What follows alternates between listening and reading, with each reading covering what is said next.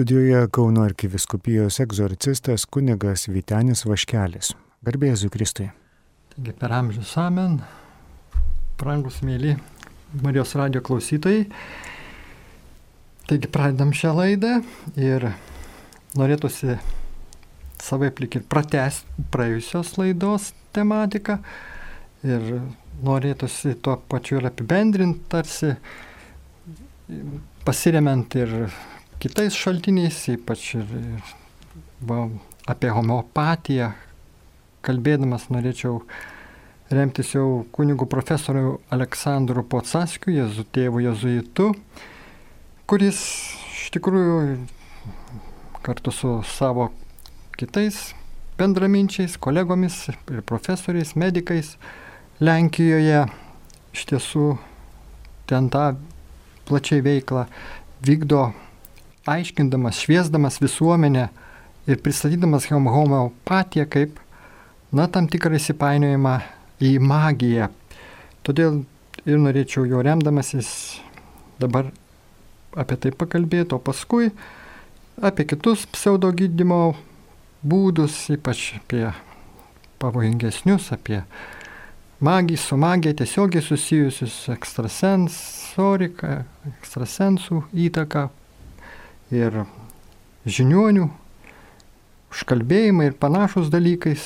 Na, su magija tie dalykai dar labiau susiję, susiję bet Jėzaus Kristaus prisilietimas, gydimas viską apvainikuoja. Taigi dabar mokslas prieš homeopatiją nuo pradžios iki nudienos. Jau XIX amžiaus pradžioje homeopatija susilaukė plataus atgarsio ir greitai augančių pasiekėjų gretų. Ir šis procesas tęsiasi visą XIX amžių, net šiandien homeopatija yra populiarus alternatyvaus gydimo metodas propaguojamas naujo amžiaus nueič judėjimo. Ir jį iš ties pasižymė neįtikėtina įtakos plėtros istorija Todėl galima pagristai kalbėti apie visuotinę tokią homeopatijos istoriją. Kadangi klasikinė homeopatija veikia tik subjektą, kuriam įtaikoma tiek vaistų bandymų, tiek jų tarimo poveikio atveju, ji negali pateikti jokių objektyvių duomenų tradicinė prasme ir nuolat peržengia pripažintų gamtos mokslų ribas. Nuo pat pradžių buvo nemažai nuomonių homopatijos poveikį aiškinusių savitaiga, tai yra placebo efektu. Pirmiau minėtame pranešime medicinos profesoriai, taigi turime omeny pranešimas platesnis, aiškinantis homopatijos neigiamą poveikį jau mokslinių požiūrių, čia dabar jau daugiau supaprastintai, kad būtų aišku klausytojams, skelbiu žinę. Taigi, Lenkijos profesorių reakcija nėra nauja. Dar prieš daugelį metų profesorius Wolfgangas Hopfas, katedros vedėjas Ciuricho universiteto farmakologijos institute, kalbėjo apie homopatijos ir svarbių klasikinės fizikos dėsnių prieštaravimus. Na ir dar 1990 metais draugė su Berlyno teismo medicinos katedros vedėju Oto Prokopus išplatino pareiškimą apie homeopatiją sudarytą iš dešimties punktų ir baigiamų išvadų, kuriuose buvo teigiama, kad homeopatijos taikinimas, platinimas ir mokymas esti neleisnas piknaudžiavimas. Taigi prieš dešimt metų tie Lenkijos profesoriai kartu su kunigu profesoriumi Aleksandru Pocaskiu prieš akį apie tai rašė viešai visuomeniai Lenkijos ir pas, dar galim paminėti, kad ezoterinės okultinės homopatijos savybės. Pasak Lenkijos ekspertų, homeopatų tvirtinimas, kad jų vaistų poveikio neįmanoma paaiškinti dabartiniais nusistovėjusiais universitetiniais dėsniais, reiškia, jog jie skatina ieškoti homeopatinių produktų veikimo mechanizmo paaiškinimo spekuliatyviomis magija paremtomis idėjomis. Taip, šis toks tvirtinimas teisingas, bet jį būtina dar papildyti. Homeopatija nuo pat atsiradimo yra susijusi su magija, spiritizmu, tai yra ezoterika ir okultizmu. O ką tai reiškia? Minėjome, kad homeopatija netitinka gamtos dėsnių, tad net jei yra veiksminga, tai ne pagal moksliškai paaiškinamus gamtos dėsnius. Jei tai ne gamtos jėgos, tai galbūt kokios nors kitokios. Ir galime iš karto dar pasiremti ir kitų autorių, panašiai ir homopatijos aiškinimą pateikia Monako psichoterapeutas Schmidbaueris, kuris priskiria homopatiją šamanizmo terapijoms. Pastarųjų gydimui visada būdingas ryšys su kosmosu ir spiritizmu. Šis ryšys su kosmosu sąsaja su metafizinė sistema išsilaikė visose ezoterinėse grupėse, kaip antai antroposofijoje, astrologijoje ir homeopatijoje. Ir daugelis homeopatų neatsitiktinai yra ezoterikai arba praktikuojantis okultistai. Daugelį knygų apie paramedicininės alternatyves praktikas šios terapijos siejamos su ezoterinė mintimi. Tai galima pastebėti Lenkijos medicinos knygynuose, kurie neteisėtai ir nebaudžiamai platina šias idėjas. Taigi ezoterinė medicina, nepaisant priešiškų kai kurių gydytojų pareiškimų, mūsų kultūroje tapo svarbios naujos religijos pirmtakų, taip teigiama. Ši religija nėra nauja, tai ezoterika ir okultizmas. Ši religija kabutėse. Pasak kunigo Klemenso Pilaro Vienos universitete apsiginusio daktaro disertaciją apie homeopatiją, 90 procentų homeopatų ezoterikai O daktaras Voegeli, garsus gydytojas homeopatas, patvirtino, kad daugelis homeopatų naudojasi švituoklę. Yra grupių ieškančių sprendimo spiritizmo sensų metu tarpininkaujant mediumams, kurie prašo dvasių suteikti informacijos. Homeopatiniai centrai Vokietijoje ir Prancūzijoje nuolatos ieško mediumų, kurie galėtų padėti gaminant homeopatinės priemonės. Homeopatinė tradicija taip pat šlovina ir antroposofija paremta mediumų patirtimi ir mokanti tokio pažinimo būdo, įskaitant net vaikus rengiamus iniciacijai Valdforfo mokyklose ir darželiuose. Vienos didžiausių rimčiausių Prancūzijos homeopatinių laboratorijų direktorius, įdarbindamas tam tikrą asmenį, pirmą pasiteirauja, koks darbuotojo astrologinis ženklas. Be to direktorius nori sužinoti, ar, ar šis asmuo yra spiritistinis mediumas, kadangi šios bendrovės praktikos paslapti susijusi su faktu, kad naujų vaistų ieškoma spiritizmo sensų metu tarpininkaujant asmenims, apdovanotiems okultinėmis galiomis ir galintiems bendrauti su dvasiomis. Taip iš tiesų tai savaip ir sukrečia ir mums suteikia tam tikro tokį aiškumą, su platesnį su, suvokimą apie homeopatiją, bet norėtųsi pasiremti pavyzdžių.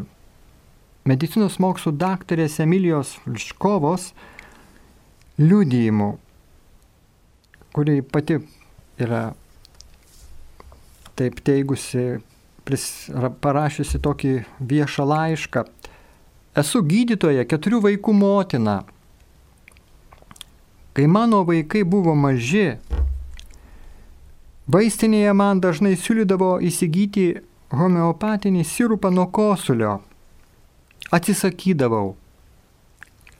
Vėliau norėdama suvokti homeopatinių vaistų poveikį nuėjau į specialius kursus. Juos baigusi gavau Austrijos homeopatijos mokyklos sertifikatą. Taip pat gilinausi į indišką revoliucinę homeopatiją ir lankiau taip vadinamus BIHOS kursus. Po pirmų homeopatijos kursų pradėjau bandyti vaistus ant savo vaikų ir jie veikė. Homeopatijos dėka dukra pasveiko nuo bronchito, ausų uždegimo, dingo dažnos anginos, praėjo nudegimai ir karpos. Kiekvienas toks sėkmingas pagyjimas įkvėpdama mane vis labiau gilintis į homeopatiją. Dar neturėjau savo asmeninės praktikos, bet pradėjau apie ją galvoti. Nusipirkau diagnostinį aparatą pagal EAP metodą ir tokį ir to vadinamą psion aparatą, kurio dėka galėjau parinkti homeopatinį preparatą kiekvienam pacientui. Po penkerių metų įvairių kursų lankymų sužinojau, kad homeopatija yra informacinis gydimas. Dėstytojai aiškino, kad homeopatijoje veikia ne cheminiai elementai, o informacija. Kad kai sakydavau, kad nesuprantu, ką tai reiškia, mane išjuokdavo ir klausdavo, ar aš šito dalykų mokykloje neišmokau. Ir sakė, nežinai, ką reiškia kibernetika kaip kvaileliai užčiaupdavo burną. Aš ir toliau sėkmingai naudojau savo aparatą, o baigusi kursus parodžiau jį savo broliui inžinieriui ir medicininių prietaisų specialistui. Išardęs tą aparatą jis pamatė, kad jo viduje nėra nieko išskyrus kažką panašaus į užrašų knygelę. Jis pasakė, kad esu naivi, jei tikiu tokiom nesąmonėms. Ir, o mano sąžinė vis netildavo negydyk. Šitaip girdėdavau tokį vidinį balsą. Nesupratau, kodėl taip buvo. Nesuvokiau, kad šio diskomforto priežastis yra homeopatija. Gydžiau toliau vaikus homeopatiniais vaistais, mačiau, kaip, kad jie veikia, bet nesuvokiau kaip. Ieškojau atsakymo. Kartą man po ranka pakliuvo medicinos mokslų daktaro Erdeliovėjaus Alternatyvioji medicina Biblijos šviesoje. Knygos autorius alternatyvę mediciną, kuriai priklauso ir homeopatija, lygina su magija ir okultizmu.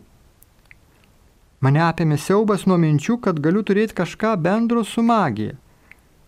Tuo metu buvau namuose, puoliau ant kelių prieš kryžių ir pradėjau melstis. Tai buvo tikra malda širdimi prašiau Jėzaus, kad išlaisvintų mane nuo magijos ir okultizmo dvasios. Tik vėliau sužinojau, kad tai buvo tam tikra net egzorcizmo malda už save pačią. Ir taip jau meldžiausi, nežinodama, ką tuomet dariau. Po šios vis dėlto maldos man akis atsivėrė, prisiminiau savo aparatus, juose nieko nėra, bet jie veikia, matyt, Galvojau, tai baltoji magija. Paskambinau į užsienį moteriai, iš kurios pirkau tą aparatą. Pasakiau, kad daugiau nesinaudosiu juo, nes tai yra magijos prietaisas. Jie atsakė, o ką jūs anksčiau galvojate, kad tai gali būti? Buvau pakraupusi, kad per kursus apie magiją nesakė ne vieno žodžio. Tai buvo tik vadinama informacija kabutėse. Taigi iš, iškart negalėjau suvokti, kas sieja homeopatiją su okultizmu. Tiesą pasakius apie magiją nieko ir nežinojau. Pasipasakojau vyrui, kas mane neramina ir pasigriebusi savo aparatus nuėjau iš pažinties. Paskui pasakiau kunigui, kad tai okultizmo aparatai. Vyras nupirko man knygą Toskanose viskupų postaracinį pranešimą Magija, būrimas ir dvasinis veikimas. Po išpažinties atsiverčiau knygą ir perskaičiau magijos formą panaši. Ta akimirką suvokiau homeopatijos poveikį. Suvokiau tai, ko negalėjau suprasti per visus penkerius mano mokymosi metus. Ir štai ji dar patvirtina homeopatijos pagrindą, kuris sudaro du pagrindiniai principai ir galima būtų vis dėlto pakartoti, suvokti tą pseudo homopatijos veikimo pagrindą. Similyje similibus kurantur panašus gydo panašų. Tai čia magijos principas ir šiuo juo veikia homeopatinis gydimas. Čia veikia ne žolelės, bet tai dvasinis vaistas, toj okultinis, okultyvinis su magija susijęs. Skėdimo principas ir dinamizmas. Kuo daugiau yra skėdžiami tie homeopatiniai preparatai, tuo stipresnis jų ir poveikis. Turime omeny kūniškas, dvasinis ir sielos ligmuo. Atskėdus tą preparatą, atitinkamų laipsnių, jame nelieka ne lašelio veikliosios medžiagos, bet jis vis tiek veikia. Tai tampa įmanoma, nes kalba, kalba eina apie dvasinį gydimą. O čia nereikalinga jokia materija. Taigi sužinojusi tiesą nusprendžiau baigti su homeopatija. Išmečiau homeopatinius preparatus, jų visiškai atsisakiau ir dar labiau atsivėriau viešpačių Jėzui, skaičiau šventai raštą ir po truputį rasdavau atsakymus į klausimus, ką man toliau daryti. Knygas apie homeopatiją sudeginau, perskaičius šiuos žodžius nemažą užsiminėjusių kerai suneždavo savo knygas ir visų akise sudegindavo. Taip liudija toji medicinos mokslo daktarė Emilija Pškova. Ir pers, paskui gavusi nuo dėmklausio palaiminimą pradėjau pasninkauti duoną vandeniu, lėkštės ribos per dieną, tai buvo tam tikrą laiko tarpą ir stengiausi atlikti dažniau išpažinti, ir dažnai dalyvaudavau šventose mišiose, kurio dėka man pavyko išsilaisvinti iš visų homeopatijos įtakų. Taip, tai iš tiesų liūdimas ir mums visiems toks tikrai jaudinantis pasakojimas, atsiverimas tos moteriškės, kuri buvo tikrai įsitraukusi ir apgauta, net gydytoja keturių vaikų motina, bet tik vieną dar galim pasakyti dėl vaikų, ji taip pat už juos meldėsi paskui ir jie irgi pasveiko. Čia laiškas ilgesnis, sutrumpindamas, pateikiau tik apibendrinančią mintį, kad ir jie buvo per maldą, per Dievo pagalbą išlaisvinti iš pašalinio to homopatijos poveikio. Bet ne tik homopatiją priskiriam prie pseudo gydančių priemonių, bet vis dėlto turėtume dar pakalbėti apie žymiai pavojingesnius ekstrasensų, žiniuonių ir iškalbėtojų gydimus kabutėse. Ir čia vėlgi norėčiau pasiremti tėvų Dominikvė Auzenet Manso viskupijos Prancūzijos kunigu viskopo įgaliotiniu, kuris rūpinasi charizmatinio atsinaujinimo judėjimu ir padeda žmonėms vaduotis iš okultinių ryšių. Taigi, jis savo vienam interviu liudyja. Yra nemažai žmonių, kurie gali pašalinti skausmą, nudegimų, kūdikių dantų dygimo, parazitinių lygų beveik akimirksnių. Tačiau jie nepašalina tos skausmo priežasties, kurią paprastai reikia gydyti. Juos vadina turinčiais gydimo dovaną, ekstrasensais žiniuoniais. Ir kartais tie žmonės iš tiesų, net būna nuoširdus, tikintys žmonės, jie meldžias, prašo kitus melsis, jų namuose paprastai randam net religinių ženklų. Kai kurie to užsima kartais norėdami padaryti paslaugą šeimai ir kaimynams. Bet štai kas vyksta. Jie veikia per tai, ką vadina maldomis, kabutėse. Bėda ta, kad tos maldos iš tikrųjų gali būti maginės. Tai yra tikima, jog jos turi visiš, visiškai konkretų poveikį. Toks, pavyzdžiui, yra Julio maldų rinkinys parduodamas esoterikos knyginuose Prancūzijoje. Tie žmonės gali turėti, dažniausiai kaip tik ir būna, vieną ar keletą tikrų maginių formulių, kurias perėmė net iš savo šeimos ar ko nors kito. Ir tose formulėse būna net kokio nors šventojo vardas. Ir gydantysis jas sumurma tyliai, kad niekas nesuprastų, tie žodžiai liktų jo nuosavybė. Prie šių maldų kai kurie prideda ir net kryžiaus ženklą, rankų uždėjimą, maldas, kurias reikia kalbėti pačiam namuose. Dar kiti tai pristato kaip kokią nors metodiką, pavyzdžiui, reiki. Tačiau tai niekaip nepanaikina okultinio jų praktikos pobūdžio. Kai kurie nekalba jokių maldų, bet rankomis perdoda krūvį, energiją, nes žino, turi gydantį magnetizmą.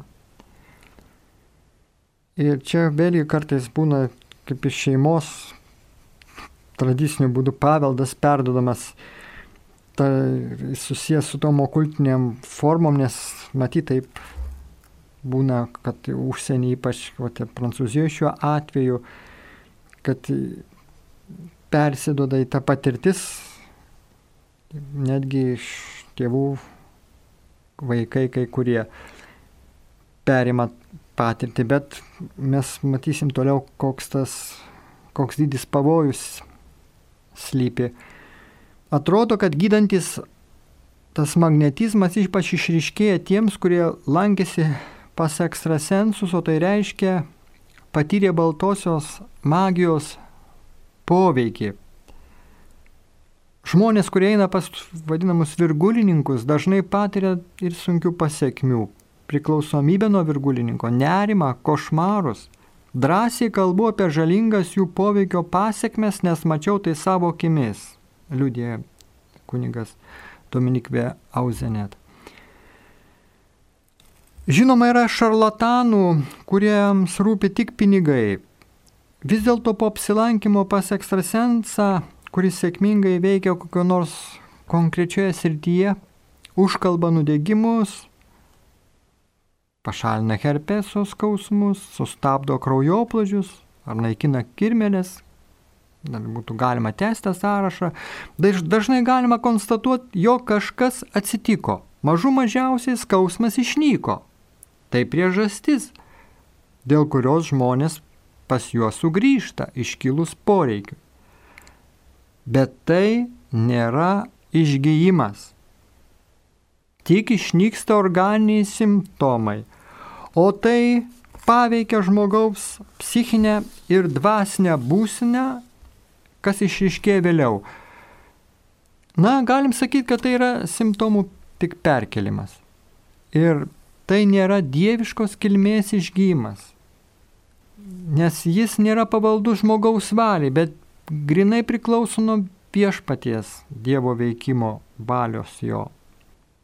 Bažnyčios katekizme va, rašoma, kad bet kokia magija ar žiniavimas, kuriais norima savo pajungti slaptingas jėgas, kad jos tarnautų ir įgyti atgamtinės galios kitiems žmonėms, nors tai būtų daroma ir gydimo sumetimais, yra sunkus nusižengimas prieš religingumo dorybę.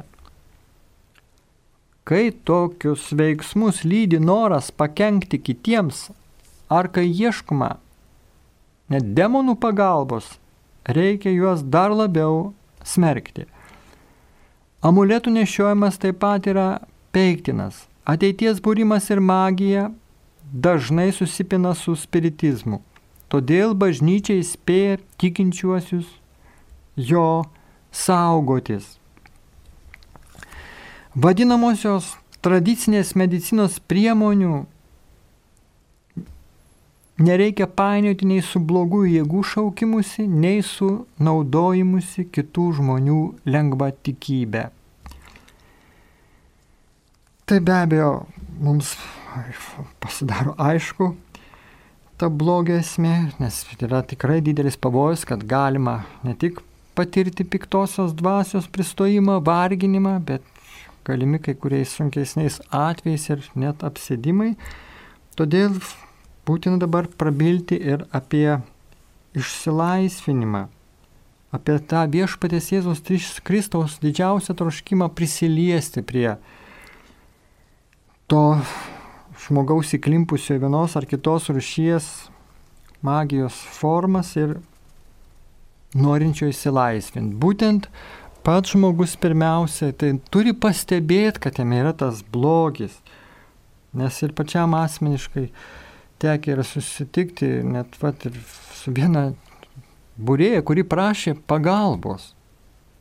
Taip, kreipėsi į mane kaip į egzorcistą ir sako, va, aš jau tiesiog savaip jau linkstu į priklausomybę nuo išgerimo, negaliu susilaikyti. Netgi vat, prašė pašventyti namus. Ir, bet aišku, kalbėjome su ją ir kiek tai įmanoma tikrai krikščioniško tikėjimo dvasioje. Pagalba, žodžiu, nelygų pagalba, kai žmogus vat, turi tokią intenciją, bet jos tos žmogaus valia yra paralyžiuota iš tikrųjų netgi priešiška, netgi va, tikrai nuvykus tą norą į jos namus pasimelsti už ją ar net ir pašventyti, kad jai ten palengvėtų, iš tiesų net pradžioj parodėt didžiulę agresiją. Ir teko tikrai tik melsis per atstumą ir prašytis suraminimo jai, pagalbos iš viešpaties. Na, bet jį pati prisipažinus, kad kai būrėja, tai tik tai va tokia teikia žmonėms psichologinę pagalbą, ji neapgaudinėjanti, neusimanti jokio magiją, tačiau vis tiek kažkokiu tų žinių turinti apie žmonės, kai ateina ir iš pati va, duoda sudavę suprasti, kad kažkas kažkokia ta ir, ir tamsioji jėga. Taigi piktasis jai reikia taip suprasti, pašnipždėdavo į ausį apie tą asmenį, kuris va štai ateidavo ir prašydavo jos neva pagalbos kabutėse. O be abejo, čia yra didelis žmogaus suklaidinimas, suvedžiojimas ir tų minčių programavimas, kad va štai tau buvo taip anksčiau, tai tai gali dabar tau būti vėl kitaip. Ir žmogus patikė kažką išgirdęs, kad, kad taip kažkas panašaus buvo jo praeitie, jis išgirsta ir kitą žinią, kad, kad gali jam taip ir anai būti ir žmogus paskui susifokusuoja, jis pernelyg apie tai, ką girdėjo iš tos burėjo ir sumokėjęs pinigus išeina galvodamas, kad taip, ką jį pasakė, tai turi būtinai ir įvykti. O čia jau yra iš tiesų žmogaus apkvailinimas. Ir labai dėlis pavojus, kad tai, ką jinai pasakė, žmogus vis tai savo pasąmonį kartoja, tuo bega tiki, tai tada jis net ir būdamas tikintis, įsižada savaip Dievo, išsigina, nes taburėja, jos žinia labiau tiki negu Dievo žinia, negu, negu bažnyčios mokymų. Ir čia yra tas didysis suvedžiojimas. Ir tam žmogui reikia pagalbos, kartais kol jis sugrįžta pas viešpatį, kol tikrai tas įvyksta gilus atsivertimas, jeigu jis ir įvyksta tokiais sunkiais atvejais, tikrai a, a, daug laiko, užima, kol tas žmogus iš tiesų pakeičia savo gyvenimo kryptį kardinaliai. Todėl vat ir pirmiausia ta malda ir dar kartą už tą ar kitą mūsų namiškį, kuris yra kažkur už kokiam tam praktikom užsiemęs, ar ten pas ekstrasensus ėjo ir, ir matom, kad jame ir pasikeitimai iš pradžių gal pagerėjimas, kaip girdėjome iš anksčiau minėtų minčių, bet paskui jam tik pablogėja, net ir tas toks nepaaiškinamas fizinis toks ne, skausmas šokinėjantis jo kūniai, tai irgi gali būti ženklas, kaip, kaip, kad pikto dvasia pristojusi savaip veikia to žmogaus kūnę ir jam darosi tik blogiau. Tai tad, turėdami tai omeny, mes tada prašom tos palaimos ir pirmiausia, aišku, tas didysis egzorcizmas įvyksta per išpažinti, per kai žmogus pasiruošia tinkamai atgailaudamas, suprasdamas, kad klydo ir viską nori viešpačiui Dievui per išpažinti, per kuningą išsakyti, atsiprašyti ir svarbiausia gailėtis ir ryštis nutraukti visus blogios saitus. Tada jis prims, tada jis tikrai išvaduojančią susitaikymo sakramento malonę patirs gaus tą dovaną. Tai štai Tik tokiu atveju, kai jis ir atsisakys visų tų ir, daiktų ir, ir visokių virgulių ir, ir knygų, tų esu ezoterika, ar ten su, su burtai susijusių, viso talismanų, amuletų. Ir tada iš tikrųjų kelias į laisvę suteikiamas Dievo malonė ateina ir žmogus tikrai iš vidaus pasikeičia Bet tai neįmanoma pačiam žmogui vienam pasikeisti. Reikalinga tikrai bažnyčios Dievo pagalba, tikinčių bendruomenės pagalba ir aišku kunigo patarnaujančio jam, tam žmogui. Nes iš tiesų čia jau turėtume, jau visada taip ir stengiamės, kada jau kas kreipiasi dėl savo tokių dvasinių problemų, dėl įsipainiojimo į visokius okultinio ar magijos pobūdžio tokius voratinklius, stengiamės va tikrai paskui, kad į savo parapiją grįžęs į bendruomenę įsitrauktų, į maldos burelį, ar ten į Dievo žodžio skaitimą, ar, ar sekmanį mišiuose dalyvautų. Štai čia iš tiesų turi būti toks va, testinumas. Negali būti, kad vienu kartu, vieną kartą čia kunigas pasimeldė, ar atleidimas įvyko ir žmogus vėl gali tikrai atkrysti. Tada vietoj vienos piktos dvasios gali septynios dar su didesnė jėga atėjusios žmogų užvaldyti. Taigi štai mes atsiminkime dar, kad ir bažnyčioje kartais, štai kai kreipiasi žmonės, tai kai kas pagalvoja, kad čia yra ir kad painiojama ekstrasensų veikimas ir gydimas, kurį Jėzus atlieka bažnyčiai. Tai mes suvokim vieną svarbiausių dalykų, kad čia remiamės Evangeliją, Dievo žodžiu. Mes prisiminkime Tai va, pagal Morko pabaigoje prisikėlusio Jė, Jėzaus žodžius, kai apaštus siunčia ir mus visus į šventą misiją. Eikite į visą pasaulį ir skelbkite Evangeliją visai kūrinyjei. Kas įtikės ir pasikrikštis, bus išgelbėtas, o kas netikės, bus pasmerktas. Kurie įtikės, tuos lydės ženklai. Mano vardu jie išvarinės demonus, kalbės naujomis kalbomis, ims plikomis rankomis gyvates ir jei išgertų mirštamų nuodų, jiems nepa, nepakenks. Jie dės rankas ant ligonių ir tie pasveiks. Taip iš tiesų tai vyksta be abejo, tai nėra taip automatiška, automatiškai kiekvienam žmogui uždėjus rankas va štai tas ir pagyja, čia Dievo malonės veikimo slėpinys. Vieni pakyla iš tikrai išgyja, kita, kiti vėliau dalinis pagerėjimas sveikatos, bet vis tiek, bet kuriuo atveju viešpas prisiliečio. Visiems Dievas vienaip ar kitaip per troškimą išgyti, įsilaisvinti ir keisti savo gyvenimo būdą teikia, dovanoja galutinį išganimą, amžinai gyvenimą, kur nebebus nei lygos, nei gedulo jokio, nei ašarų, Taigi, va štai mes turim tai suvokti ir, ir supras, kad Jėzus niekada nesakė, kad jog visi sergantieji bus išgydyti, tik sakė, kad duos mums ženklus skelbti Evangeliją. O išgydymai yra ženklai lydinti skelbimą, tačiau nėra būtina, kad visi pasveiktų, įdant galėtume tikėtis, tikėti Dievo žodžiu ir pasitikėti savojų viešpačiu. Na ir aišku, čia dar trumpai turėčiau pridurti, kad tas vadieviškas išgyjimas taip pat ateina ir per ligonių patepimo sakramentą, kurį kunigas suteikia ligoniui, namuose ar bendruomeniškai švenčiant šį sakramentą. Taip, tai taip pat visus tas, tas blogio liekanas, dvasinio piktojo pasaulio įtakas ir, ir fizinio gyvenimo negalės. Taip pat viešpas malšina, mažina ir teikia malonę būti išgydytam. Pirmiausia, sieloje, ramybėje, dvasioje. Va štai čia ir yra tikrai ne, maldos už išgymą, tarnystė neapsiriboja fiziniu pasveikimu. Taigi, bet visų rūpinasi visų žmogaus atleidimu bei vidiniu išgydymu. Jeigu žmonės jaučiasi labiau nutolę nuo Dievo, reikia jiems padėti atgailauti už savo nuodėmės. Taigi nėra maldos dėl išgydymo be Evangelijos skelbimo. Taigi geroji naujiena skelbiama kas kart ir čia dabar su mumis tikintieji brangieji.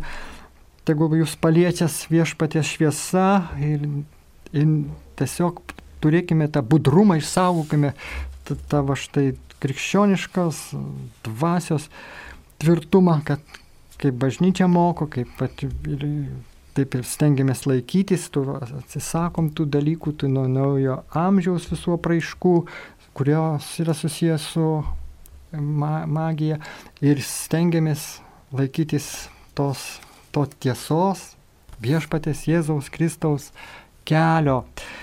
Tai tai bus tiek ir viešpaties palaima, malonė, ramybė, taika ir Dievo tiesa bei meilė visus mus tegul valdo, tegul stiprina ir veda paskui mūsų prisikėlusiai, paskui pasirodžiusiai viešpati Jėzų Kristų. Ačiū uždėmesi. Mėly Marijos radio klausytojai, jo žaizdomis išgydyti laidoje kalbėjo Kauno egzorcistas kunigas Vitenis Vaškelis.